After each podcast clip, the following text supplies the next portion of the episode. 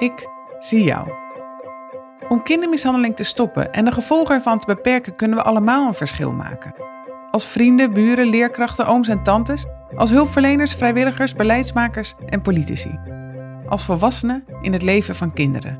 En ja, dat is nodig, want alleen al in de regio Hart van Brabant hebben ieder jaar 3000 kinderen te maken met kindermishandeling of huiselijk geweld. Erover praten helpt.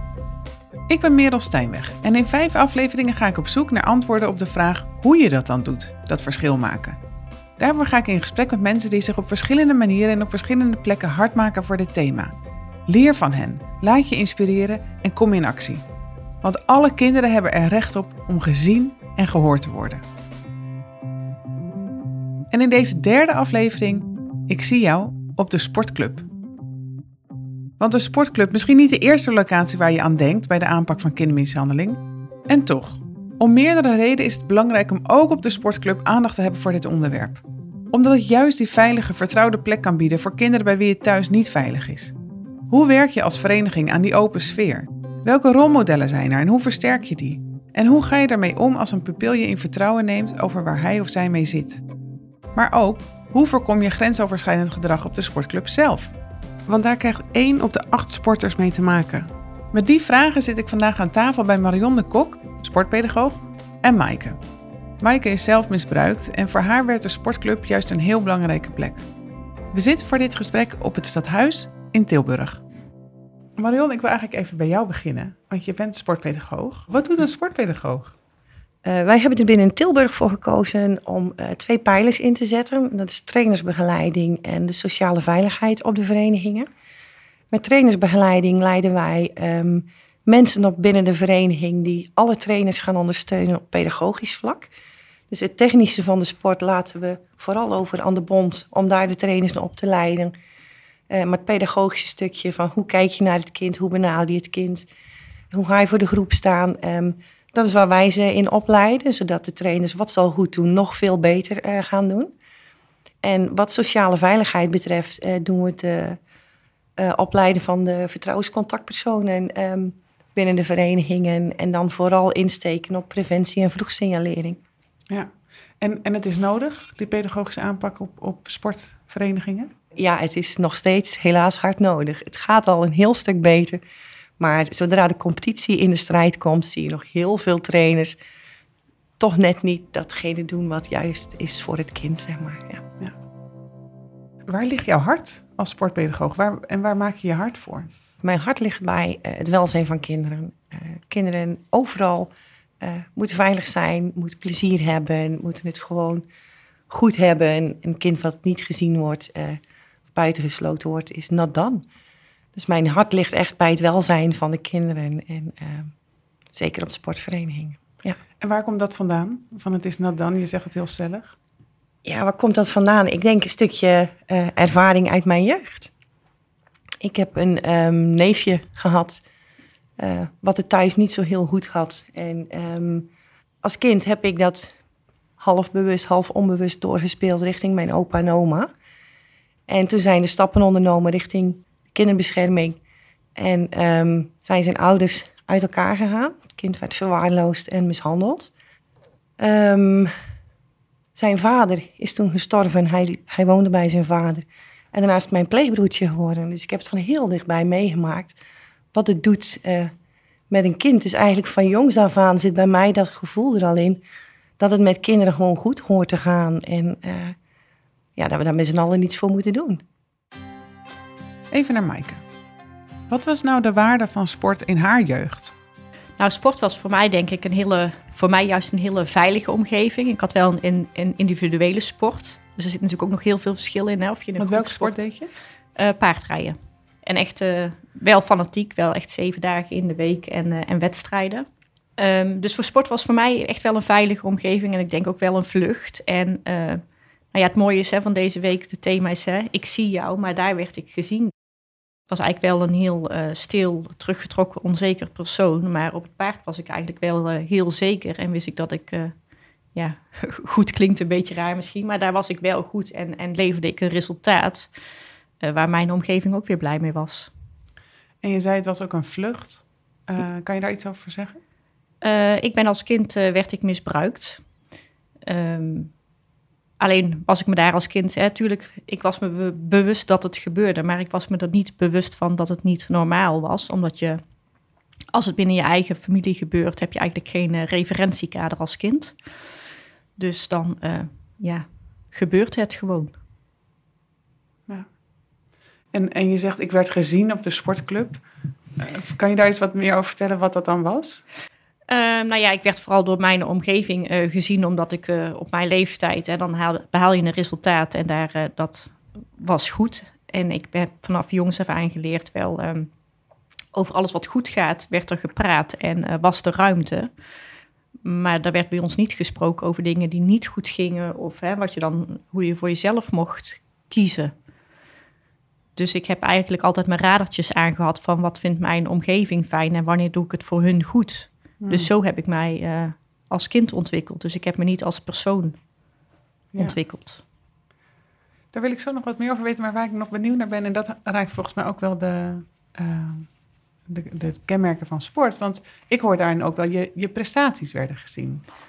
Ja, absoluut. Daar ging het ook wel om. En dan voelde ik mij ook goed, hè, omdat ik wist dat mijn eh, omgeving daar heel erg op reageerde. En ehm, ik weet ook nog heel goed dat als ik goed had gepresteerd, dan werd ik thuis geholpen met het opruimen van mijn spullen. En had ik niet goed gepresteerd, moest ik het allemaal alleen doen. Dus dat ge- geeft ook wel aan dat je als kind al weet, het hoeft niet gezegd te worden hoe belangrijk je prestatie is, maar dat voel je als kind dan natuurlijk ook wel. Hmm. Ehm, maar sporten was voor mij, mij wel een, een vlucht, veilig. eh, ja, het een zijn met mijn paard heeft mij wel, denk ik, een heel eind eh, geholpen en misschien ook wel gered. Terwijl ik ook weet, hè, eh, sport is heel veel negatief in het nieuws, omdat het geen veilige omgeving is. Dus het heeft ook echt wel de andere kant, dat het wel heel veilig kan zijn voor kinderen. En misschien ook wel een, hè, de vlucht kan zijn uit een onveilige situatie naar eh, het fijn voelen op een club en het onderdeel zijn van een team. En hoe luistert Marion hiernaar? Ja, de, de, de sportvereniging is ehm, inderdaad de plek waar een kind gezien kan worden. Kijk, we hebben eh, in de tijd van corona vanuit de taskforce natuurlijk niet voor niks keihard aan alle deuren lopen, lopen rammelen van gooi die sportclubs terug open. Laat die kinderen terug boven de radar komen. En, en ehm, Want waarom was dat zo belangrijk, die sportclubs open? nou, ten eerste is het voor veel kinderen een, een, een uitlaatklep. Ehm, ehm, ze komen even uit de situatie van hele dagen binnenzitten met de ouders die thuiswerken en die met z'n allen tegen de muren opvliegen. En waar de korte lontje zal zijn, is dan het risico groter dat het fout loopt. Dus als de kinderen dan nog naar de sportvereniging kunnen, dan zijn ze in ieder geval even een paar keer eruit en worden ze gezien. De trainer die daar staat, die kent zijn spelers die kent zijn sporters. En als die ziet dat een van de kinderen toch ineens zich anders gedraagt, ja, dan krijg je ook die signaleringsfunctie weer die je net benoemde. En dan is die hele simpele vraag van, hey, hoe gaat het met jou? Die is dan heel belangrijk. En op het moment dat zo'n kind dan zegt, heel goed, oké, nou, dan gaan we even sporten. En daarna kom je even terug van, en hoe gaat het nu echt met jou? Stel die tweede vraag maar eens. En een, echt een betrokken trainer die zijn sporters kent, Ehm, die kan die vraag makkelijker stellen. Dat is ook gewoon een heel stuk laagdrempeliger dan wanneer een professional of een leerkracht, dan, dan weegt het allemaal zwaarder. Ja. En ik kan me ook voorstellen, maar even advocaat van de duivel, dat een, eh, een trainer, zijn vaak ook vrijwilligers of ouders van, van andere sporters, die, die doet dat op zijn zaterdagmiddag. Dat Ja. er niet per se op zitten wachten om eh, als vertrouwenspersoon daar rond te lopen. En, Nee. Maar dat is advocaat van de duivel, hè? dat maar je herkent het? Ja, tuurlijk. En eh, dat, dat is ook waar wij ons de laatste tijd enorm over buigen. Ehm, eh, het is ook niet de verantwoordelijkheid van die trainer. Kijk, op het moment dat die trainer het signaleert, dan heeft hij eigenlijk gedaan wat hij moet doen. Want dan kan die richting die vertrouwenscontactpersoon. En eh, dan kan het gesprek aangehouden worden en kan die trainer loslaten. En trainer hoeft is- het niet op te lossen. Hè? Nee. Dat is niet het Nee. idee. Precies. En we zijn ook bezig met het. eh, het, het- we hebben een, een regionale training gemaakt voor de vertrouwenscontactpersonen. En ehm, die hebben we gekoppeld aan de eerste twee stappen van de meldcode. Om mensen meer ehm, eh, tools te geven. Want de handelingsverlegenheid die er zit, die is enorm groot. De angst dat als je iets ziet, dat je er iets mee moet, die is enorm groot. En die angst, die willen wij dus gewoon heel graag weghalen. Dus van, nou weet je, als je iets ziet, en al durf je niet naar die vertrouwenscontactpersoon, ga even met de buurman of met je collega-coach praten. En kijk dan wat je kunt doen samen voor het kind. En met het kind, vooral. De sportclub is als een plek waar je veilig bent, gezien wordt, waar mensen worden opgeleid als vertrouwenspersoon. Maar ook de sport als een uitlaatklep, soms met agressie op het veld tot gevolg. Ik vraag Marion of ze een voorbeeld heeft van hoe zij als sportpedagoog nou naar onveilig gedrag in de sport kijkt en hoe ze daarmee omgaat. Ze is zelf vertrouwenspersoon geweest binnen een voetbalvereniging. Een aantal jongens waren steeds vaker agressief. Er waren vechtpartijen, kortom ontoelaatbaar gedrag. En tuurlijk hebben zij een schorsing gekregen. Tuurlijk hebben ze een wedstrijd niet mogen voetballen. Weet je, op het moment dat jij staat te knokken op dat voetbalveld, dan heeft de KNVB er ook nog iets over te zeggen. En terecht. Maar je moet ze wel helpen in plaats van nog verder straffen. Ja.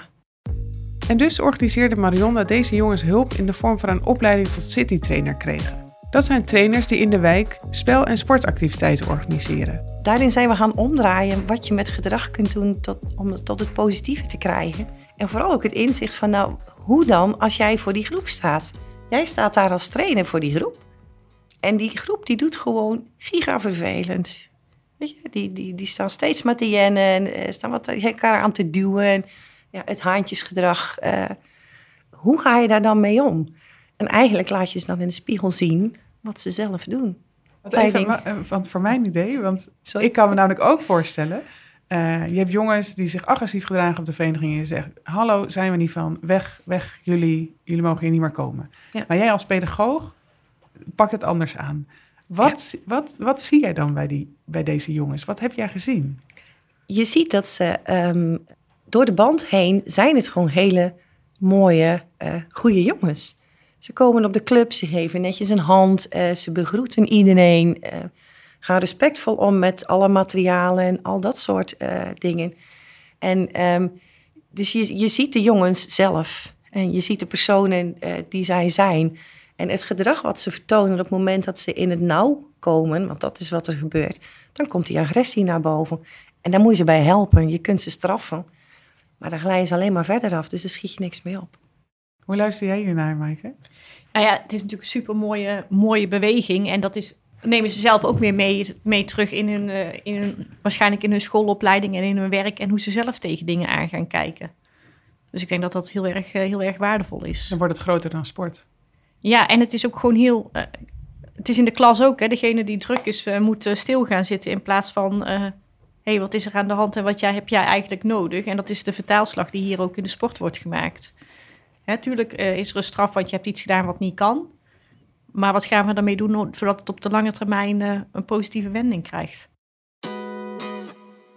Kijken achter het gedrag en zien wat een sporter nodig heeft. Maaike had tijdens haar sportcarrière last van extreme faalangst, mede veroorzaakt door de onveiligheid thuis.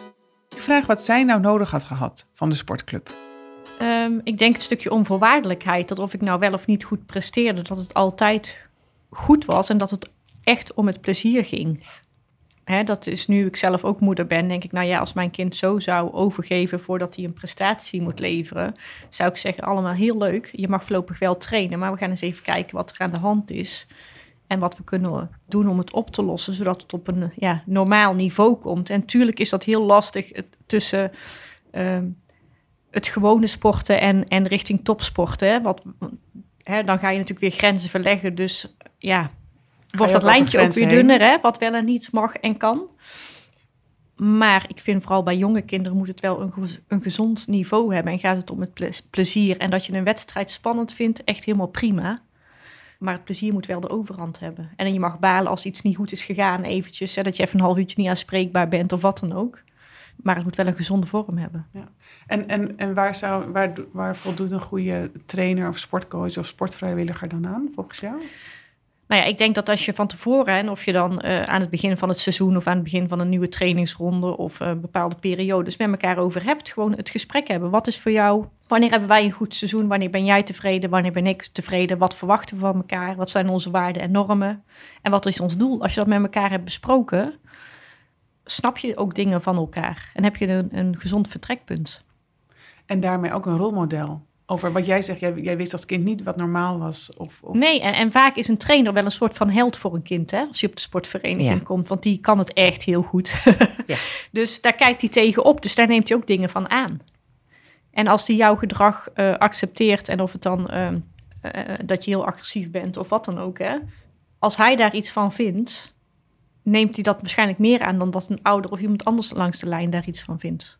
En wat, wat jij zegt, mag ik even ja, zeker. Wat jij zegt over aan het begin van het seizoen, dat is ook wat wij steeds zeggen. Van, weet je, ga aan het begin, zeker met, met, met teamsport, ga teamafspraken maken. Laat de kinderen en de sporters zelf aangeven. Wat vinden wij belangrijk? Hoe gaan we met elkaar om? Hoe gaan we met de materialen om? Wat vinden wij fijn dat de ouders wel doen, wat de ouders niet doen? Laat ze daarin meedenken en um, ja, hou je ook vast aan, aan, aan vier inzichten. Weet je, ga, ga vooral structureren, stimuleren. Geef die individuele aandacht alsjeblieft. En draag de regie maar eens over. Laat het maar eens zelf doen. En dan kun je zien wat er gebeurt met een kind en uh, wat hij nodig heeft.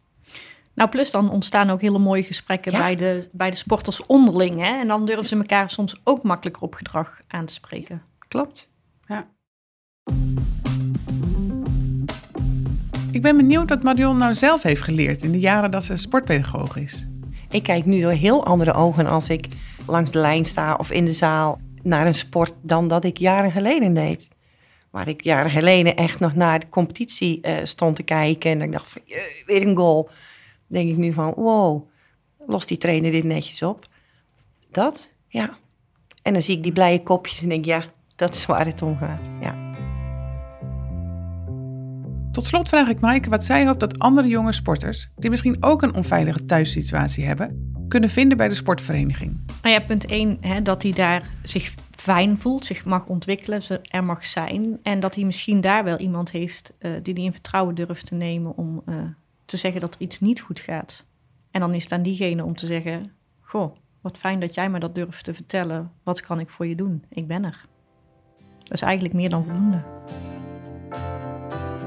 voor coaches, trainers, vrijwilligers op de sportclub? Wat zou ze die mee willen geven?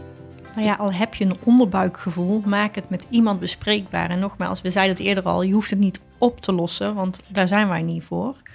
Maar of je nou de ouder langs de lijn bent, of de trainer, of de coach, of een, een uh, ploeggenootje, heb jij een onderbuikgevoel over iemand, ga het bespreken met iemand die jij vertrouwt.